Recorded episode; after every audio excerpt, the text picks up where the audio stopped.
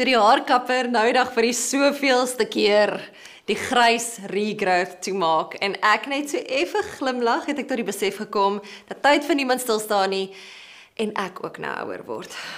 Ek blaai sien kort kort deur die blaai vir my eie lewensalbum om myself te herinner aan God se goedheid in my eie lewe.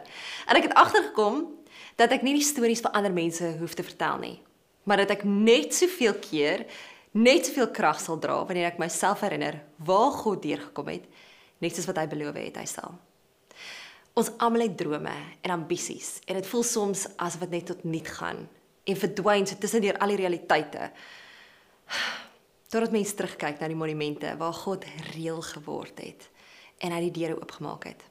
En ek weet vandag vandag van dat dit so 'n goeie mengsel van passie vir radio, praat, vra vra en skryf was wat gelei het dat ek in media opgeëindig het. Ek onthou hoe ek as 'n jong dogtertjie met ouma se langspeelplate versoeke gespeel het aan almal wat wou luister.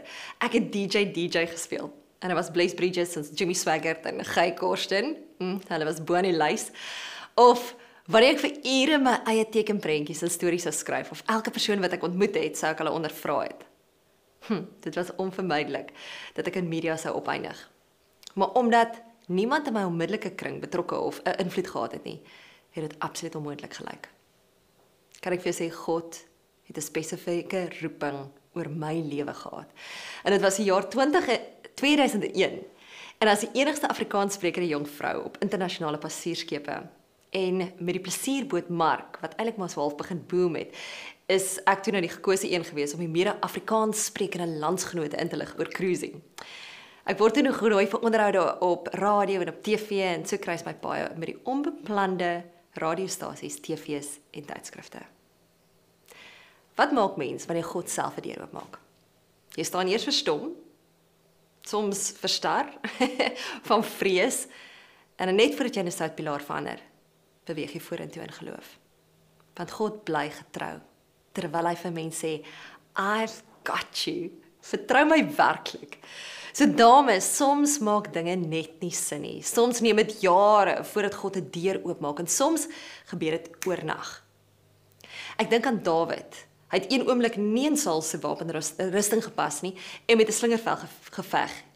Net om die volgende jaar homself in 'n posisie te bevind waar hy wel 'n nuwe swaard mis optel en 'n nuwe wapenrusting aantrek om 'n nuwe geveg in sy lewe te veg. Of ek dink aan Petrus. Hy moes uit die boot uit klim op water stap om God te beleef. Ek dink dis asof God vandag vir ons vir hierdie jaar uitskree. Ons gaan uit die boot uit moet klim. Ek sit nou eendag by 'n jetty en lange baan en hoe nader ek aan die water se beweeg, hoe meer mos en groenigheid en lewe kry ek in die natuur. En dit is asof God vir my fluister, "Karin, klim uit die boot uit, kom loop op die water, maak jou voete nat, bly naby aan my en verlaat daai veilige plek wat jy ken." As jou deur steeds toe is, wees geduldig. Werk aan die karakter. En wanneer hy oop swaai, hold on to your horses. En weet, hy is in beheer.